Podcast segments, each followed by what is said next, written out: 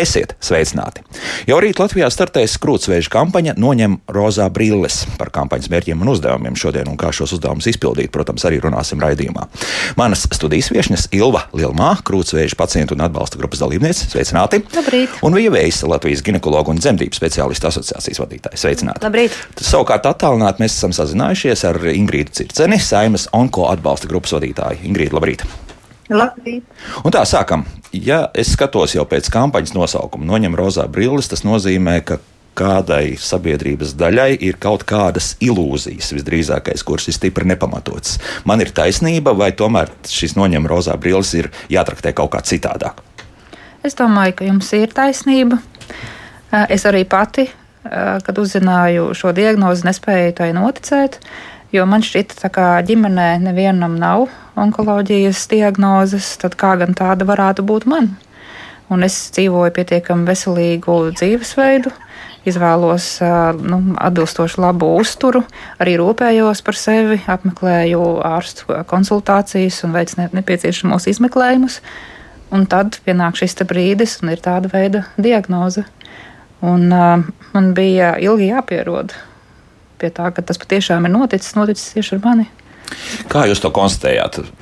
Klasiskais piemērs pēkšņi parādījās bumbulis, sataustāms, vai, vai tomēr kaut kāda citāda šis ceļš bija līdz diagnozes noteikšanai? Jā, tas bija uh, citādi.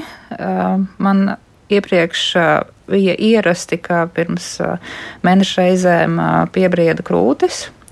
Un, uh, es sapratu, ka tas ir tāda nu, normāla lieta. Bet tajā reizē tas bija kaut kā atšķirīgi, un pēc kāda laika arī parādījās tāds sarkans plankums. Un tad es sapratu, ka kaut kas labi nav. Es pierakstījos pie ārsta, es biju ļoti, ļoti nobijusies. Bet es sapratu, ka šeit nu, ne dēļas, ne kompreses nepalīdzēs, ka tas nav tas gadījums un ir jāiet pie ārsta. Un, sākotnēji, kad es vērsos pie ārsta, tad mani nomierināja, teica, ka tas varētu būt iekaisums. Un ļoti labi arī padavās terapijai, un man šķita, ka mm, tātad, labi. Tā, tas tā varētu būt, jā, viss būs labi. Un tomēr tas ārstēšana nedeva pilnīgi labus rezultātus, un tad izmeklēšana turpinājās. Un tad jā, man teica, ka labi nav. Lūk, bet tad bija ļoti ātra rīcība, un biju tajā saucamajā zaļajā koridorā. Un pēc dažām nedēļām jau sekoja operācija un vispārējās terapijas. Un tagad varam turēt īkšķis, jā? Ja? Jā, kā man uh, doktore onkoloģija teica, ka es esmu praktiski vesela sieviete, varu dzīvot uh, savu ierasto dzīvi. Nu, vienīgi man ir tā terapija, kas ir nozīmēta, tā ir jāturpina. Nu, tā lai viss, kas uh, ir bijis pagātnē, lai tur arī paliek. Uh mhm. -huh. Un te nu arī vijai jautājums pēc būtības. Mums vajadzētu izlaist šo periodu, ka kaut kas nav kārtībā. Principā jau viss kampaņas mērķis, ja tā uzmanīgi izlasām, ir galvenais - ātri konstatēt, ka problēma pastāv. Jā, nu, nu, tieši tā. Un, un jāsaka, ka vēži ir dažādi. Un tie vēži, kurus mēs varam noķert ātri, noķert mazos izmēros un līdz ar to gana veiksmīgi ārstēt un panākt labu dzīvildzi, tādu vēžu nav daudz. Mēs zinām, ka nereti uzzinot diagnozu vēzi kādam paziņu lokā, šim cilvēkam ir skaitīts laiks, ja tie ir mēneši. Nu, nu, tā tiem, diemžēl ir. Bet tad krūtsvēzi atklājot agrīni, salīdzinoši ir laba prognoze sievietē dzīvot vēl ilgu un veselīgu mūžu. Un, un tas ir ļoti svarīgi, un, un šīs, šo, šo noteikti vajag izmantot. Ja? Un tāpēc ir organizētas šīs tā saucamās skrīninga programmas, kas ļauj atklāt mazas izmaiņas, ja tādas ir, un, un, un, un daudz efektīvāk un veiksmīgāk ārstēt.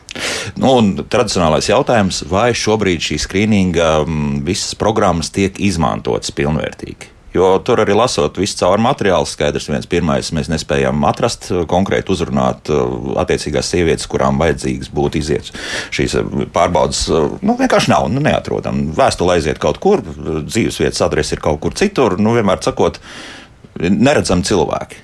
Tā, tā ir tie viena no iemesli problēmām, droši vien ir dažādi, bet tiem, nu jā, arī šīs kampaņas viens no fokus uh, problēma jautājumiem ir, kāpēc Latvijā mums ir tik zems, nemainīgi zems skrīnings, tiešām tie ir ap 30%, tas nozīmē, ka tikai trešdaļa no sievietēm, kas tajā, kam, tajā konkrētajā gadā būtu jāveic šis izmeklējums, uh, tas tiek veikts. Un līdz ar to tas novad pie tā, ka salīdzinoši ir liels skaits sieviešu, kas iestājas jau onkoloģijas nodaļā, nonāk onkologu redzeslokā jau ar ielaistākiem vairākiem vēžiem, jau ar grūtāku ārstējumiem, tieši tā, un jau ar krietni sliktāku prognozi. Un, un, un tad eh, jautājums, ja mēs to varējām izdarīt trīs soļus iepriekš un, un iznākums būtu krietni labāks, tad, tad kādēļ tas nedarbojās? Un es domāju, ka šeit ir ļoti daudz atbilžu. Mm -hmm. jāsameklē vēl, jā. jā, pie tā noteikti atgriezīsimies, bet es arī Ingrīdai šobrīd jautāšu. Nu, Saimnes jau būtiskākais izdevums ir uh, radīt pietiekami labus normatīvos aktus un vēl tam arī atrast naudu, lai, lai tā pietiek notiktu. Šobrīd naudas jautājums, eh, runājot par krūtsvēzi, ir būtisks, vai, vai šeit nu, puslīdz eh, šobrīd ar finanšu līdzekļiem varētu pietikt. Un redz, zaļais koridors, kā mēs pārliecinājāmies, tomēr strādā.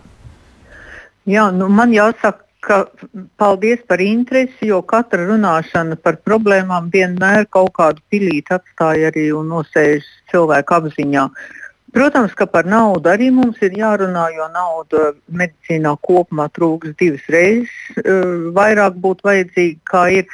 Bet šī gadījumā onkoloģijā ir daudz, daudz samilzušas problēmas, kas īsti nav pat saistītas ar naudu, sākot jau ar šiem onkoskrīningiem un reģistru.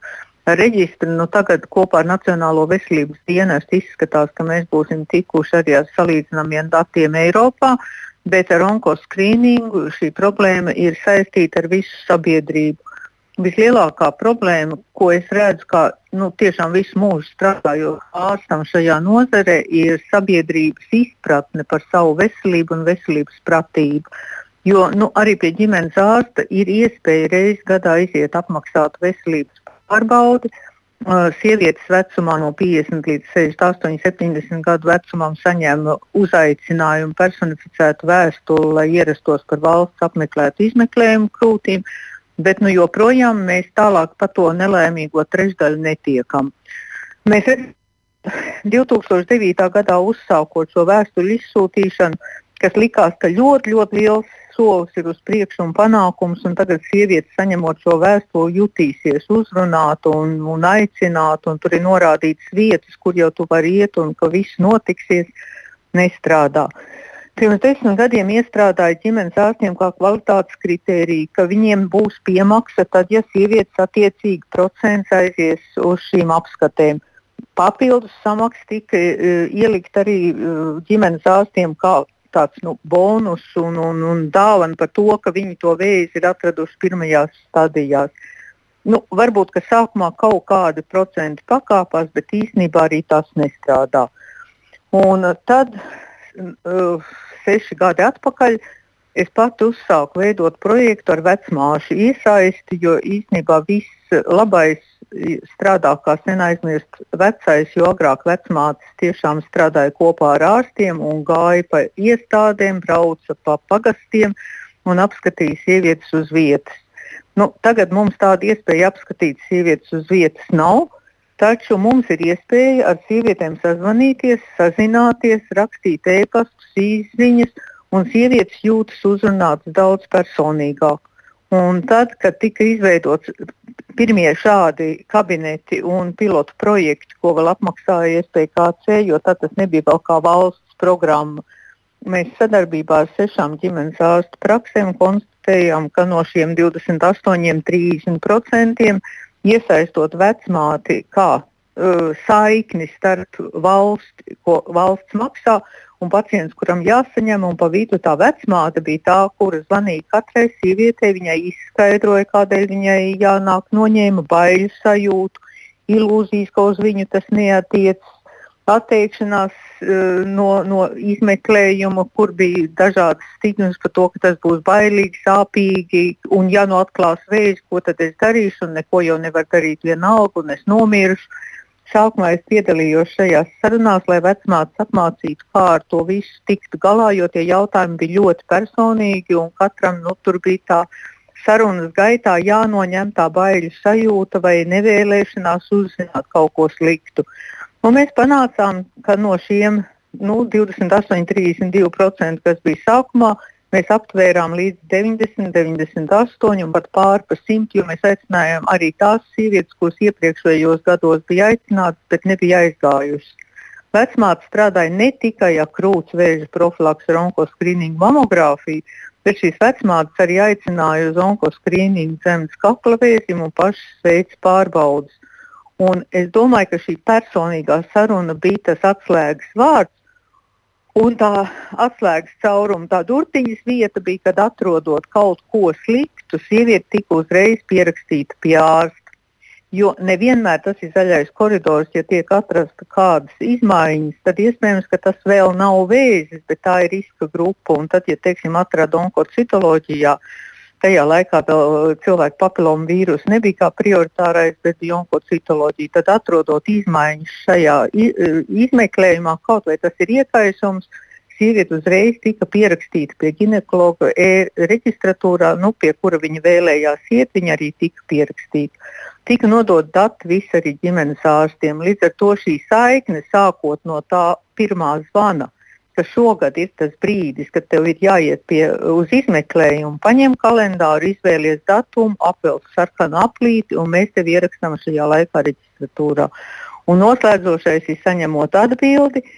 Šī vecmāte pateica, izmeklējums ir labs, divi vai trīs gadi, divi gadi ja mamogrāfija, trīs gadi ja onkocitoloģija. Tagad var dzīvot ar mierīgu sirdi un nekādu uztraukumu.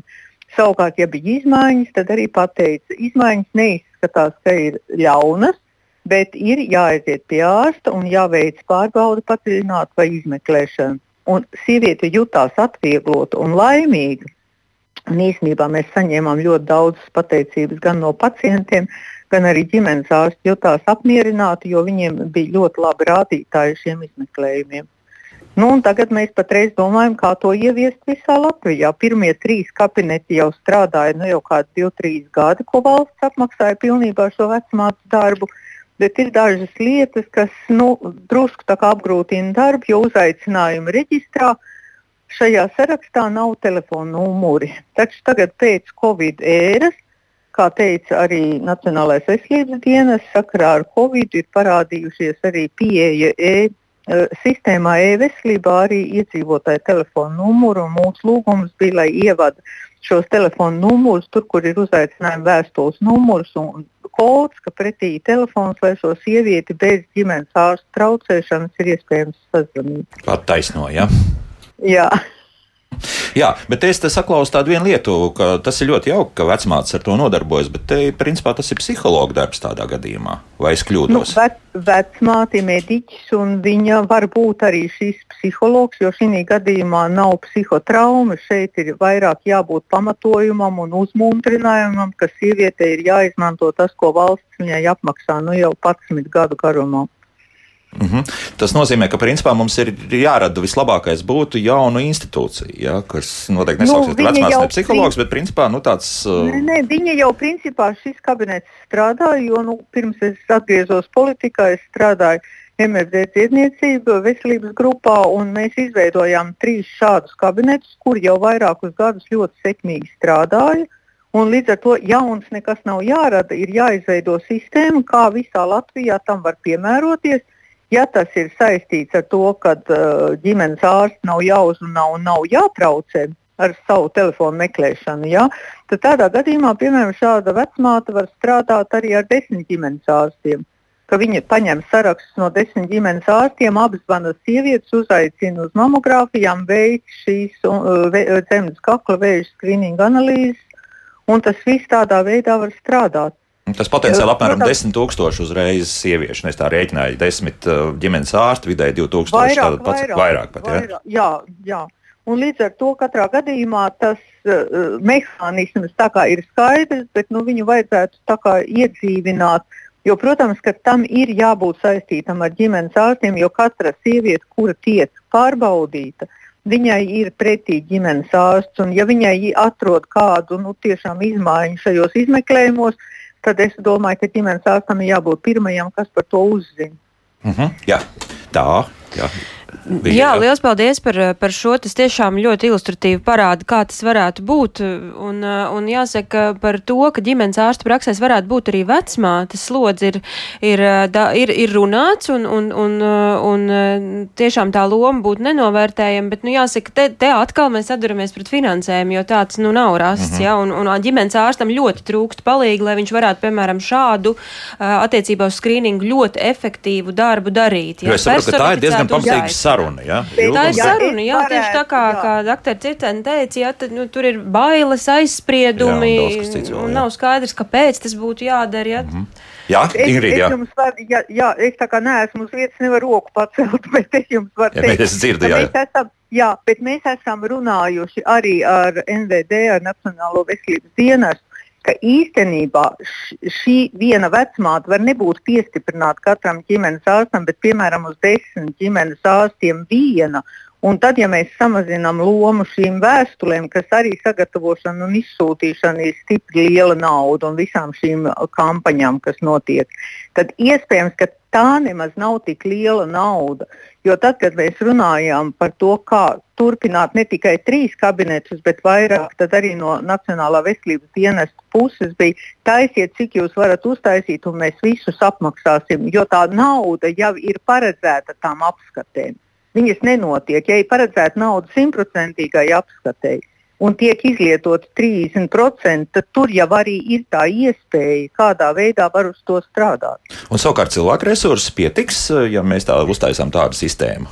Es domāju, ka sistēma vienā gadā nekad netiks uztaisīta. Mums tiek sagatavotas vecmātes, un īstenībā vecmātes iesaistījās ļoti labprāt arī tās, kuras tikko jau bija beigušas šo savu nu, mācību procesu, iegūstot certifikātu jo tas ir viņu darbs. Ļoti bieži tagad, ja vecmāte teiksim, nenonāk stacionārā dzemdību namā, kur viņai nu, īstais darbs pie dzemdībām, tad viņa nejūtas novērtēta, jo viņai īsti nav tas darbs, ko viņa ir mācījusies, darbs ar sievietes veselību. Viņa tiek iesaistīta dažādos nu, citos darbos, kaut arī viņa ir īsta vecmāte. Un šādas vecmātes tiek katru gadu sagatavotas, un nebūs jau tā, ka vienā gadā visa Latvija tiks pārklāta kabinetiem. Mēs kopā arī ar nu, speciālistiem esam runājuši, iespējams, ka ir jāiesaist pamazām arī pašvaldības. Jo uh, pašvaldības ir tās, kas varētu atbalstīt ar telpām, kas varētu palīdzēt, teiksim, uzturēt šīs telpas, jo tas ir viņu iedzīvotāju veselība. Pagaidām paš, likumā par pašvaldībām ir ierakstīts, ka viņi nodrošina pieejamību. Un šī gadījumā mēs visi apzināmies, ka onkoloģija ir viens no lielākajiem izaicinājumiem. Tā kā tās iespējas un tā, tas redzējums jau ir. Tagad mēs esam soli uz to, ka nu, mēs sanāksim šodien arī šī onkogrupa saimā un runāsim par to. Reģistrs teorētiski tā kā ir izstrādāts. Tagad ir nākamais apmācīt personālu, lai viņi varētu ieviest, un nākamo gadu mēs ieejam Eiropā ar visu statistiku. Tad mums ir jāsaprot, ja teiksim, ir tas pieņemts lēmums, ka mēs iesaistām vecumā, cik tas prasa naudu. Jo tas, ka teiksim, ir izstrādāta vīzija, kā vajadzētu darīt, tas ir viens. Un tad, ja mēs viņu pārliekam visas valsts apjomā, tad nu, mums ir jāsaprot, cik kurā vietā tā nauda ir vajadzīga, cik mums ir vajadzīga cilvēka resursi. Jo vienlaicīgi tagad teiksim, arī tiek strādāts ar paliatīvo aprūpi. Arī tur viens no lielākajiem izaicinājumiem ir resursi. Un līdz ar to nu, teiksim, tas redzējums ir, bet nu, mēs domājam, tagad, kā to visu realizēt dzīvē. Uh mhm. -huh. Varbūt jāsāk ar tādiem problemātiskiem reģioniem. Noteikti, ka ir kaut kādas atšķirības, kur labāk klājas ar, ar to. Jā, ar mamogrāfiem es varu piebilst, ka ļoti liels ieguldījums ir arī mobilajām diagnostikas izbraukumu šiem uh, mamobusiem. Jo tajos problemātiskajos reģionos, ja ir laba, laba saikne ar ģimenes ārstiem, tad viņi uz konkrētiem datumiem arī sāicina sievietes un viņas atnāk uz tiem izmeklējumiem. Tā kā tas ir vēl viens ļoti liels izmeklējuma iespējams, bet tur atkal mēs atturamies pret to, ja tas ģimenes ārsts nav atsaucīgs. Tajā gadījumā tās sievietes tur arī nepierakstās, un tas datums nav aizpildīts. Jā. Mm -hmm. Labi. vai slikti? Nē, es domāju, ka šoreiz mēs tiešām varam teikt labi, ka, lai izdodas un uh, varbūt paldies, tiešām, paldies. lai šī sistēma varbūt strādās un, un galvenais, ka jau es saprotu, ka te strādā tīri labi, vismaz pilotu projekti laikā. Jā, jā. jā. Mhm. Tieši tā. Jā, tīši, jā. Teikšu paldies ar Ingrīdai Cicenei, Saimnes un atbalsta grupas vadītājai, lai šodien arī veids arī saimā paldies. tomēr ir sistu visu cauri, tā kā tam ir nepieciešams, bet mēs šeit arī turpināsim sarunu šeit pat studijā. Nu, varbūt arī kāds komentārs no jūsu puses. Nu, tas uh, var palīdzēt vai, vai, vai visādi citādi tas, tas būs nu, tāds solis uz priekšu, bet nevar būt tik, tik liels, kā gribētos. Nu, Man liekas, tas konteksts ir ārkārtīgi precīzs. Tātad viss sākās tiešām ar šo izpratni un zināšanām par savu veselību, par saviem riskiem um, un par to, ko nozīmē profilaks. Skaidrs, ka Latvijā šī veselības pratība mums ir zema, un tā ir tā vide, kurā mēs esam ar to jārēķinās. Tādēļ ir jāmeklē veidi, kā mums sabiedrību uzrunāt, un viens no tiem ir, protams, caur šiem primārās aprūpas speciālistiem, kas ir ģimenes ārsts. Tātad mērķiecīgi runāt. Jums tā tad ir noteikti, jums ir 50 gadi, jums ir pirmais uzaicinājums uz skrīnu skrīningu, vai jūs esat saņēmusi, kad jūs, jūs neesat saņēmusi, mēs jums izdrukājam, pierakstīties var tu tātad proaktīvi. Tas ir noteikti viens eh, nu, efektīvs veids, ja kā arī mēs eh, dzirdējām no stāstītā. Un, un eh, es domāju, ka arī šādas informatīvas kampaņas, pat ja varbūt tā ir neliela daļa cilvēku, kas pēkšņi iedomājas, jā, bet man plauktā stāv tā uzaicinājuma vēstule, un man taču ir jāaiziet un jāuzstājas šis skrīninga izmeklējums. Arī tas strādā, tādēļ mums tā informācija ir jāsniedz un ir jāmotivē un ir jāskaidro, kādēļ šie izmeklējumi ir svarīgi, jo tas ir veids, kā, kā dzīvot, kā nu, šeit, turpināt dzīvot. Šeit, šī, tā, šāda institūcija tīri labi varētu palīdzēt, jo šeit ir tā saruna. Ja? Jā, viennozīmīgi. Uh, un ir vēl viena lieta, uh, tad, kad es uh, zināju, ka šodien nākšu sarunu, es pajautāju mūsu atbalsta grupas dalībniecēm, ko viņas domā par šo jautājumu. Un bija vairākas atbildes. Pirmā bija, kā mēs neejam pie ārstiem, mēs ejam. Kur ir problēma? Tā kā mūsu grupa, acīm redzot, sapulcē tieši tās dalībnieces, kuras seko līdz savai veselībai. Uh, Un šeit uh, vēl atklājās kādas lietas, uh, piemēram, uh, ja skrīnings ir no 50 gadiem un, un uh, vēlāk, tad uh, mūsu grupā vairāk kā puse dalībnieces vēl nav sasnieguši šo vecumu. Un, uh, es domāju, ka līdzīgi kā dzemdas kakla vēža skrīnings, ir svarīgi arī šo krūts vēža skrīninga vecumu uh, samazināt. samazināt. Jā, tas ieteikums bija nu, vismaz no 30 gadiem. Jā, tāpēc ir labā, labā ziņa, ka daudzām no dalībniecēm šis krūts veids ir atrasts tiešām nu, pirmajā stadijā, nevis kādās vēlākās. Ir situācijas, kur tā komunikācija un sadarbība ar ar ārstu, ar, ar ginekologu ir bijusi ietekmēta, pieņemsim, no Covid puses vai kaut kādiem citiem apsvērumiem. Eh, kur nav iznācis laicīgi iziet visus izmeklējumus un ir bijis jāgaida rindā eh, gan uz eh, šiem sonogrāfiju, gan uz mamogrāfiju un, un attiecības tam vizīti pie ārsta. Un tas process viss kādām no dalībniecēm ir patiešām ievilcies kāpēc viņas uh, ir nonākušas uh, pie galīgās diagnozes, kad viņām jau ir trešā stadija. Ja? Un, nu, es domāju, ka arī šajā procesā varētu būt kaut kādas lietas, ko varētu domāt un, un kā to padarīt veiksmīgāku. Skumji ir tas, ka ģimenes ārsti tādā gadījumā ir nepieciešams viņus apiet kaut kādā veidā, jo proti, nu, tā skaidrs viens, ka krūts vēzis tā ir diemžēl visizplatītākā onkoloģiskā slimība sievietēm. Ja?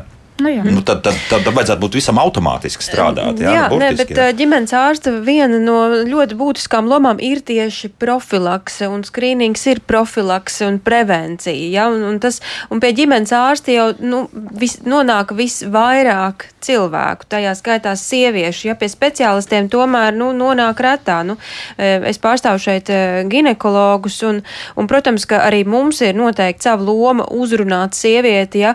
jo arī, arī pie ginekologu ir diezgan e, labs ieradums iet gan regulāri sievietēm, bet ģimenes ārsts noteikti aptver lielāku skaitu Protams. sieviešu, un tādēļ šis svarīgais e, laika brīdis, kad pajautāt, vai jums ir skrīninga vēstule, vai jūs esat izmantojusi, un ja nē, tad es jums lūk šeit viņu iedodu, un tur jūs varat pierakstīties, ir ļoti būtisks, ja, jo tas sniedz šo personīgo uzrunu cilvēkam un aicinājumu. Man šķiet, ka ģimenes ārstiem šim nav resursu vai nepietiek resursu, lai to darītu. Jo... Nu, bet viens, divi jautājumi. Nu, nu, Vai, vai... vai... Tie pienākumi ir nenormāli daudz. Es tieši nākotnes raidījumā arī runājos ar kolēģi, lai Jā. es saprastu, nu, jo es strādāju citā jomā, man bija svarīgi to, to, to redzēt. Protams, ir ārsti, kas to dara, kas to dara brīnišķīgi, kas pajautā arī atnākusi sieviete ir ar, ar sūdzībām par klepu un iesnām pajautā šo jautājumu par skrīningu.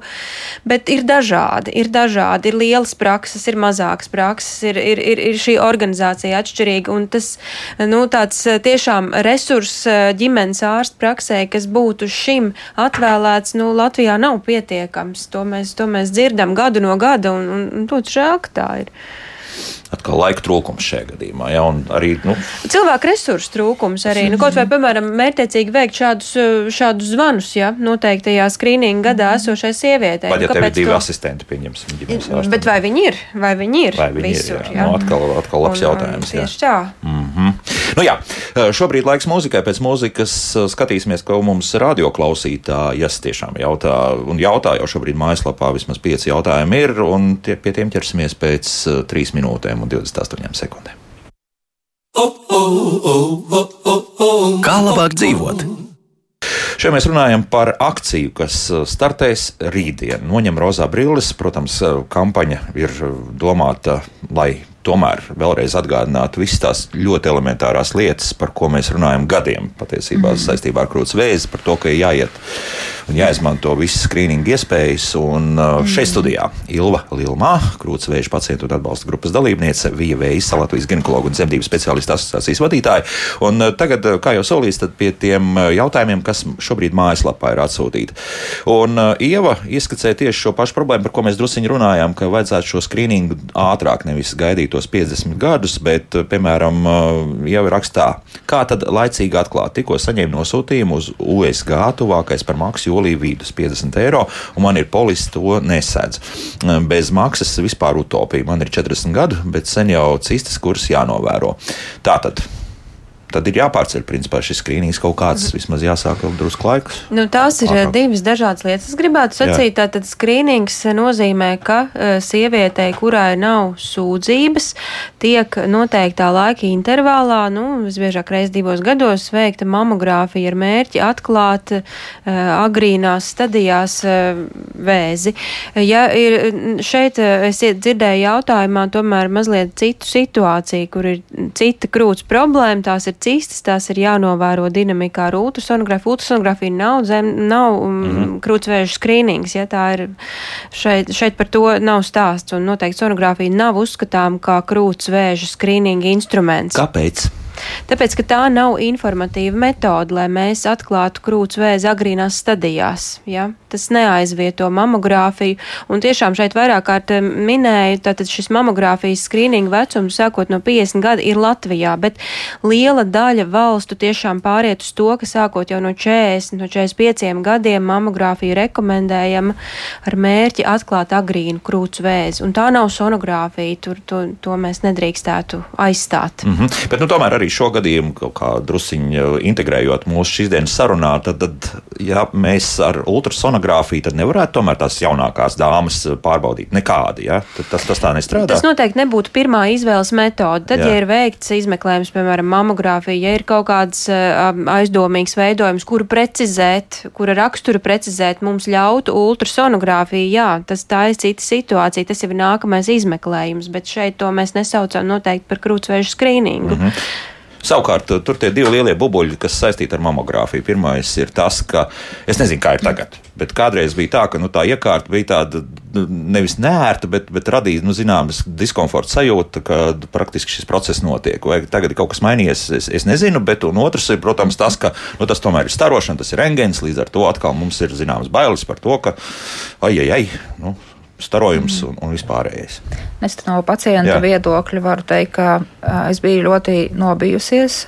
Pirms doties uz pirmo mamogrāfiju, tāpēc, ka, ja palasa internetā, piemēram, dāmu grupās diskusijas par apmeklējumu un par piedzīvotajām emocijām un sajūtām tajā brīdī, tad tiešām pārņem bailes.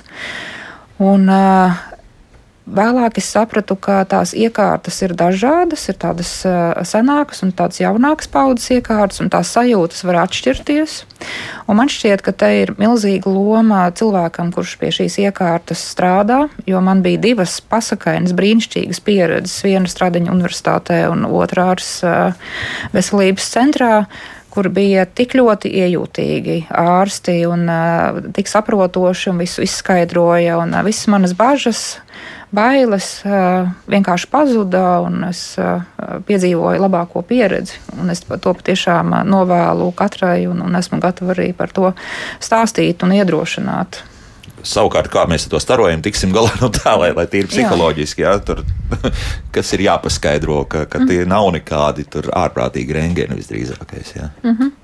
Nu, pilnīgi noteikti. Un jāsaka, arī šīs jaunākās paudzes mamogrāfi, digitālajā mamogrāfi, viena no priekšrocībām tiek minēta, ka šis uh, izmeklējums ir uh, mazāku diskomfortu radošs. Bet es šeit teiktu, es to sauktu par diskomfortu. Nu, un, un, un tomēr, ja mēs saliekam svaru kausos, vai ir pārdesmit sekundes diskomforts, vai ir iespēja uh, veiksmīgi ārstēt vai aiz, atklāt kādu aizdomīgu situāciju, un, un šeit ir, mēs runājam par, par dzīvi, par dzīvošanu, ja, tad, nu, tajos svaru kausos, man liekas, ir, nu, pilnīgi skaidrs, uz kuru pusi mums ir jānosvarās. Un, tā otrās svaru bumba otros kausos ir pārāk liela. Mēs arī jā. zinām to, nu, ka pie stomatologa būtu jāiet regulāri, un tas nav ne patīkami, ne, ne, ne relaksējoši, ja, bet, nu, tas ieguvums ir tomēr uh, lielāks, nu, nu, šeit to mēs pat nevaram salīdzināt, un runājot par šo rengensarojumu, jā, es arī skatījos, protams, protams, ka nav, nav mamogrāfija kaitīga. Ja? Tur nav šis sterojums tāds, kas kaut kādā nozīmīgā veidā atklāt, nu, teiksim, atstātu iespaidu uz sievietes eh, kaut kā veselību. Ja?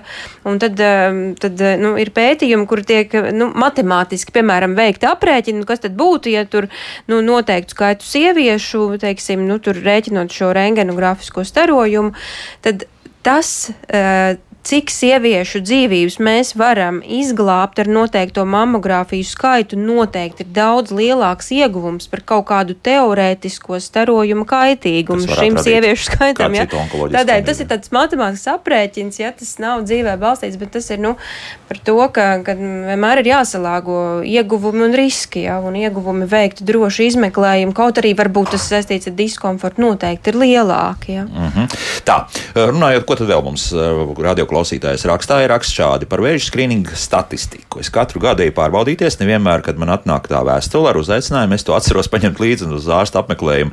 Attiecīgi apmaksāju pati šos apmeklējumus un izmeklējumus. Tātad tādi cilvēki, ka es neparādās šajā statistikā. Jebkurā gadījumā uzaicinājuma vēstule man kalpo kā atgādinājums pierakstīties pie ārsta vizītē, pat ja tu neuzrādi ārstam un apmaksātu pati šos pakalpojumus. Paldies par to! Bet, nu, tik aizmāšīgai nevajadzētu būt, vai ne? Protams, jā. jā nu, tas, ir, tas ir ļoti labi tiešām, ka, kad, eh, kad cilvēks jau vēršas pie ārsta un arī ārpus skrīninga, un ir daudz problēmas, kas ir šādā veidā, protams, jārisina. Un, un jā, es piekrītu, ka statistika nav precīza, jo noteikti ir daļa sieviešu, kas veic mamogrāfiju tiešām par apdrošināšanas līdzekļiem, personīgiem līdzekļiem ar ārstu nosūtījumu, un kas nu, šajā skaitā nebūs iekšā. Tādēļ es piekrītu, jā, ka statistikai mēs varētu, ir, varbūt varētu noteikti jā. šeit arī pieķerties. Bet nu, tur tas ne, nepaliks kaut kāds 10% klāt, tik daudz tas nebūs. Tas varbūt viens, divi, trīs. Nu jā, un tā patiesība ir tā, ka onkologi tomēr uh, izsaka bažas par šiem uh, salīdzinoši novēlotiem vēža gadījumiem, nu, kas tomēr ir indikators tam, ka, nu, ka šī agrīnā diagnostika netiek veikta pietiekamā mm. apjomā, un,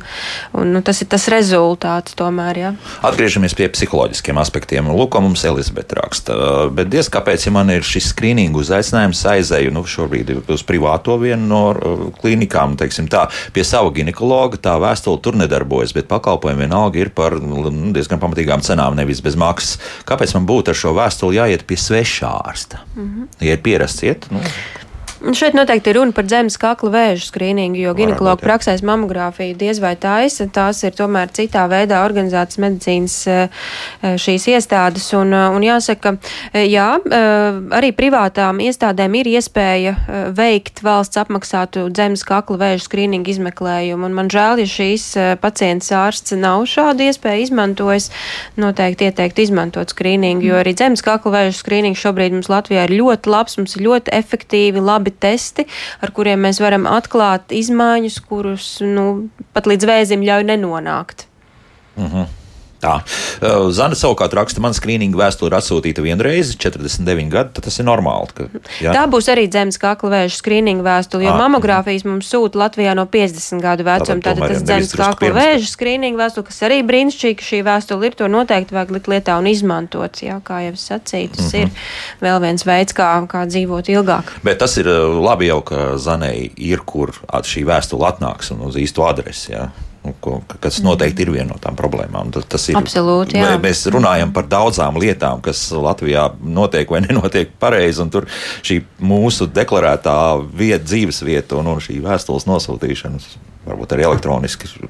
Jā, jā nu tā, tā ir, ir virkni sieviešu, kas, diemžēl, un saka, ka nekad, es nekad doktoru neesmu saņēmusi ne zemes kakla vēža skrīningu vēstuli, ne mamogrāfiju, un, un, un tad ir jautājums, kādēļ tā ir. Un, un viena no problēmām ir, ka tas varbūt sieviete cito, dzīvo citā adresē, nevis deklarētajā dzīves vietā, bet nu, tur varētu būt arī citi Nacionālas veselības dienestā risināmas varbūt situācijas, kādēļ tas tā nenotiek, bet nu, noteikti šeit, es domāju, ir arī resursi to darīt nu, mūsdienīgākā un digitalizētā veidā. Nu, iespējams, ka šī, šī e, e-adrese varētu būt viens no risinājumiem, ja, no jā, kā, kā sarunās tā. ir bijis. Un, un, un uz to noteikti ir jāvirzās mūsdienās, protams. Jo, nu, labi, vēl e-pasts, nu, nu iespējams, tālruņa numurs arī jau derētu. Nu, tā kā viss iespējas taču tomēr ir. Jā, un, kā dzirdējām arī no Cicēnas kundzes, tad uh, šī vēstuļu izsūtīšana ir dārgs un gan ietilpīgs process. Mm, jā, lai to darītu. Jā, elektronika tomēr mums nāk, mm. nāk palīgā.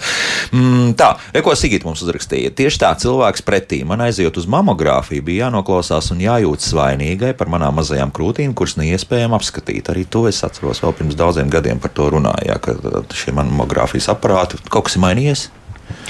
Nu, krūšu izmēram nevajadzētu būt eh, problēmai mamogrāfijas veikšanai. Man mm. žēl, ka ir šī attieksme bijusi neiejūtīga tiešām. -hmm. Tā nevajadzētu būt. Savukārt Irīna Januma mums raksta, un uh, viens garāks komentārs to varbūt atstāsim drusku vēlāk, bet viņa raksta arī to, ka mamogrāfa starojums vienāds ar lidojumā lidmašīnā saņemto starojumu. Tad, jā, paldies, Irīna, par, par šo komentāru. -hmm. Ļoti jauki. No, es uzreiz pielikšu gan klāt, ja mēs runājam to, ko Irīna rakstīja garajā komentārā, lūk, par krūts vēža skrīningiem, pa novadiem Latgalē 26%, Kurzemē 22%, Zemgolē 22%, Vidzemē 13% Rīga principā izvalku ar saviem 44% procentiem, un arī tas, eh, kā Irīna rakstīja, ir stipri par maz. Viņa gan aicina vīriešus iesaistīties visā šajā lietā, runājot arī par pašvaldībām. Un, protams, jā, protams, visiem jau te ir kuru roku pielikt. Jā, nu noteikti. Es domāju, ka arī mēs katrs varam pajautāt uh, sev blakus esošām sievietēm, dzīves biedrēm, kolēģiem, draudzenēm, māsām un tā tālāk, vai ir veikts skrīnings un, un, un, un vai saņemt vēstuli un pamudināt. Jā, tas, tas ir vēl viens veids, kā, kā par to runāt. Mm -hmm. par, jā, par mazo krūšu īpašniecēm. Tomēr Ilza arī raksta, vai ir vēl kādas citas metodas, kā to darīt. Nu, tā tad datortomogrāfija, tas gluži nav, nav mamogrāfija, jā, tad, tad uh, pozitronu emisijas tomogrāfija. Es skatos, es vienkārši iz, izrakstīju, ko tad vēl un kā to visu var darīt. Nu, protams, ka pozitronu emisijas tomogrāfija tas diezgan sarežģīts process, tur jābūt speciālā viela iekšā un tā tālāk. Alternatīvas. Bet tiešām ir tā, ka tikai mammogrāfija būtu tas vislabākais veids. Nu, kā skrīninga metode, tomēr pasaulē tiek uzskatīta mammogrāfija mm, numur viens. Bet es gribu tomēr sacīt arī, ka nu, ir, ir katrs gadījums arī, protams, ka izskatāms individuāls un, un, un vispār jau mēs arī uz to virzāmies, ja, lai būtu šī personalizētā medicīna. Un, un iespējams, ka izrunājot ar ārstu kaut kādas alternatīvas un ģimenes situāciju un, un riskus un personīgos sievietes riskus, var būt arī citi risinājumi, ja, bet, bet es domāju, ka tas tiešām būtu tāds individuāli lemjams un, un runājams jautājums. Mm -hmm. Es vēl vienu tādu jautājumu. Es dzirdēju, ka Ilva teica, tādā personiskā sarunā par to, ka jūs izmantojat arī Igaunijas veselības aizsardzības sistēmas pakalpojumus. Kur ir tā būtiskākā atšķirība? Kas viņiem ir, ir tāds, kas, kas, kas pie mums nav? Nu, tā, tas nav tik bieži, bet laikam tas, kas man vislabāk noderēja Igaunijā, tieši bija ieteikumi pārbaudīt manu estrogēnu sadalījumu, veicot speciālu analīzi, pārbaudīt manu medikamentu paneli, lai saprastu, vai terapijā nozīmētais tamoksifens ir man atbilstošs medikaments. Um, un Igaunijā ir iespēja, ir laboratorija, kur to var izdarīt. Uh, šī laboratorija ir arī Lietuvā, bet viņas nav Latvijā. Un es meklēju Latvijā iespējas uh, šeit tādas analīzes veikt. Sākumā man tāda pozitīva izskatījās, ka varētu būt Stradiņa universitātes slimnīcā, bet diemžēl tas tā neizdevās. Tāpēc es veicu šīs analīzes Mums tur. Melnais caurums vienā vietā, kas, kas patiesībā nevajadzētu tā būt. Jā? jā, un laikam vēl viena lieta, kas man ļoti noderēja Igaunijā, kur man ārsts un onkologs ļoti precīzi izskaidroja manu diagnozi. Pēc tam, kad es biju saņēmusi ārstu konsīliju dokumentus, mm, bet es šo izskaidrojumu kādu nu, iemeslu dēļ nevarēju saņemt Latvijā. Varbūt ārstam nebija pietiekami laiks vai, vai kaut kā tā. Eh, un eh, tas man eh, radīja iekšēju trauksmi, turpināt terapiju. Nākamā bija nozīmēta ķīmijterapija, un es nevarēju saprast, kā tas viss iet kopā ar teikto, ka es esmu praktiski vesela sieviete, bet profilaksēji man ir vajadzīgs iziet ķīmijterapiju, staroterapiju un vēl hormonu terapiju 5 vai 10 gadus. Lūk, tad Igaunijā es saņēmu šo skaidrojumu. Es atbraucu atpakaļ ļoti mierīga, gatava, sagatavojusies iet visās terapijās. Līmeni, jā, nosakot, jā? Uh, nē, tas bija viena no lietām. Estrogēna līmenis parādīja uh, to, uh, cik daudz ir to riskanto estrogēnu, kuri kā, parāda onkoloģiju un, mhm. un, un tā, bet izrādījās, ka tas estrogēna līmenis ir paaugstināts, bet tur nav šo slikto estrogēnu. Ja? Un tas, protams, arī man radīja tādu Pārliecības. labu sajūtu, ka uh, tas nav tikai tāds ārsta teiciens, ka esmu praktiski vesela sieviete. Es dabūju arī apliecinājumu tam, un arī dabūju, izējot to medikamentu panelī, apliecinājumu, ka es lietošu sev atbilstošāko medikamentu lai tā mana veselība patiešām arī būtu laba. Aha. Jo arī sarunājoties ar mūsu atbalsta grupas dalībniecēm, kurš šo medikamentu lieto nu, pēc ārsta norīkojuma, un pēc tam saskaras ar dažādām problēmām, kā dzemdas asiņošana vai, vai, vai nu, katrai kaut, kaut kādas nianses. Un pēc tam jau pēc kaut kāda pusgada vai gada ārsts pieņem lēmumu mainīt Tas nozīmē, ka jau kaut kāda ietekme uz organismu ir notikusi ar medikamentu, kurš nav bijis atbilstošākais. Nu, ja ir iespēja izslēgt šo faktoru, Kāpēc tad, tā? Eh, tad es eh, jā, to labprāt izmantoju. Un, uh, ir dažādas iespējas. Nu, tās, protams, maksā, bet tie nav daudz tūkstoši, ja? tie ir kādi simti kur var veikt pārbaudas tepat Baltijas valstīs vai arī, piemēram, Vācijā, un saprast, kā ar to vēzi ir. Ja? Vai cik daudz, piemēram, šo vēža šūnu organismā vēl ir Vācijā, ir iespēja Tāda veikt tādu pārbaudi. apdrošināšana, ja tāda, ja tā var teikt. Es domāju, ka tā ir precīzāka informācija gan ārstam, gan pacientam lēmumu pieņemšanai par tālāko ārstēšanu. Tas arī, ko Vita pieminēja, personalizēta medicīna. Nu jā, žēl, ka nav pie mums. Jā. Tieši gribēju piebilst, jā. man prieks par igauniem un vāciešiem un visu pārējo Eiropu un lietuviešiem. Žēl, ka mums tā nav. Jā, nu jā. Tā, vēl ko mums raksta. Um, Linda raksta šādi. Arī man vēl nav 50, un katru reizi, kad saņemos veikt krūšu pārbaudi, atceros par to, ka trūkst informācijas, kur un kā veikt mamogrāfijas, sonogrāfijas, skrīningu, ar ko sākt vai zem 50 gadu vecuma. Jārēķinās, ka tie būs milzīgi izdevumi, garas rindas uz diagnostiku un pie speciālistiem. Tādā brīvprātīgā kārtā mm -hmm. to visu iziet. Jā, nu šeit vispār mazliet gribēju atgriezties pie iepriekšējā jautājuma par, par šiem izmeklējumiem, jo jāsaka tā, ka ginekologs nu, droši vien būs lielākoties tas speciālists, varbūt, kas pamudinās sievieti un pajautās par mamogrāfiju un par riskiem. Bet uh, krūts vēža ārstēšanā tomēr ir, ir, ir ļoti plaša komanda, kurā ir iesaistīti onkoķirurgi, kurā ir radiologi, kas diagnosticē, kas izvēlās kādu metodu mēs labāk šīs krūtis redzam, kā mēs varam precīzāk no, noteikt diagnozi. Šeit būs ķīmijterapeits, staru terapeiti. Ja? Tādēļ man liekas, nu, tāds, tad, tad visplašākā šī krūšu slimība izmeklēšana nu, noteikti ir iespējama tajās vietās Latvijā, kur ir šie centri, piemēram, piemēram, tas Paustu Radiņu klīniskajā universitātes slimnīcā, mm -hmm. tas ir um, Rakus, tad Austrum klīniskās universitātes slimnīcā. Un, un, un, ja mēs atgriežamies uh, atpakaļ pie šī pēdējā jautājuma, tad jā, nu jāsaka, kā jau minēju iepriekš, jau no 40 gadu vecuma principā uzskata, ka skrīnings reiz divos gados ar mamogrāfiju kā pirmo metodi būtu pamatots. Latvijā tā tad ir no 50 gadiem. Bet ko es gribētu uzsvērt, ka tomēr arī rūpīgi jāizvērtē šie individuālie riska faktori, jo krūts vēža riska faktori ir daudz un dažādi. Un pirmkārt, tas ir sievietes dzimums, otrkārt, tas ir sievietes vecums, un mēs zinām, ka no 40 gadiem jau tas risks ir salīdzinoši augstāks vecuma dēļ.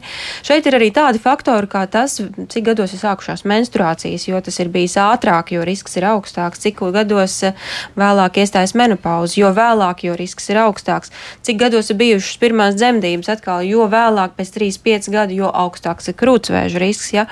un, un, un vairāk aptaukošanās, eh, alkohola lietošana, smēķēšana, tad vesela virkni faktoru, kas vēlreiz var būt pamudinājums sākt krūtis izmeklēt ātrāk. No 40 gadu vecuma pirmā izvēles metode būs mamogrāfija. Es domāju, šo uz, uh, arī šo um, nosūtījumu var lūgt un var šīs riska situācijas pārnāt ģimenes ārstu. Ģimenes ārstam. Uh, jā, un, nu, atsevišķos gadījumos lielai daļai iedzīvotāji ir apdrošināšanas, tad arī, piemēram, ginekologu dots nosūtījums var kalpot kā, kā nosūtījums mamogrāfijai. Un, ja apdrošināšana nav, tad tomēr tas kaut ko maksās, bet tās nu, nebūs kaut kāds milzīgi grandios. Nu, ģimenes ārsta nosūtījumi tajās, valsts, tajās iestādēs, kur ir šīs līgums ar Nacionālā veselības dienestu, tā varētu būt pacienta iemaksa sagaidot savu rindu. Jā, bet mm. noteikti ir vērts gaidīt savu rindu, kaut vai tie varētu būt arī mēneši, nekā neveikt izmeklējumu vispār. vispār jā, nu tad uh, drusciņi pacietības un, un tie mēneši mm. aizskries, bet toties rezultāts paši saprotat. Ja? Mm -hmm. nu, vēl ritms raksts nevar sagaidīt, kad beidzot kāds pateiks, kas tad sāksies 10. maijā. 10. Nu, maijā būs tieši tas, mēs, par ko mēs šodien runājam. Tā būs informācija par to, ka nu, ir jāiet jā, un jāpārbaudās. Es, es tā saprotu, jā, tas, tas ir būtiskākais jā, nu, jā, šajā visā kampaņā. Jā. Un atrast to veidu kopīgi, lai šī skrīninga aptver būtu lielāka. Ja, mm -hmm. Kopīgi satikties, izdomāt, ko mēs visi varam šim nolūkam darīt. Ja, un vēl viena lieta, kas man ienāca prātā, kāpēc mēs vai, vai sievietes mazāk iet, ka mēs ikdienā ļoti daudz laika veltām savai ģimenei, darbam, mājas solim vai nu, tiksim, lauku darbiem, ja, cilvēkiem, kuri, kuriem ir lauksaimniecības. Un par sevi un savu veselību mēs iedomājamies pēc tam, pēc tā visa, ja iedomājamies vispār. Tā kā vakardien arī kāda no mūsu grupiņas dalībniecēm rakstīja, nu, dzīvojam priecīgi, domājam to labāko, nu, kaut kas iesāpās, padomājam par to, gan jau pāries un arī pāriet, un turpinam darīt un dzīvot tālāk. Uh, un es domāju, ka kaut kas var mainīties tad, ja mēs uh, šajā visā rindā sevi ieliekam pirmajā vietā. Ka mēs, mūsu veselība, mūsu labsajūta, tas ir tas pats galvenais, lai mums izdotos gan ģimenē, gan darbā, gan vispārējie darbi un aktivitātes, kuras mums ir interesanti, kuras mēs vēlamies. Uz šiem vārdiem mēs arī beidzam raidījumu. Tieši tā. Ilva Lilmā, krūtsvēža pacientu un atbalsta grupas dalībniece, Vija Veise, Latvijas ginekologa un dzemdības speciālista asociācijas vadītāja bija šeit studijā. Paldies, dāmas, par sarunu! Un, klausieties, noteikti kampaņas uh, informatīvā telpa jūs sasniegs, un tur jau vairāk uzzināsiet arī tādas nianses, ko šodien varbūt neizrunājām. Kaut gan man jau liekas, ka būtiskāko mēs pateicām. Ja? Tieši tā, jauktdien visiem un tā!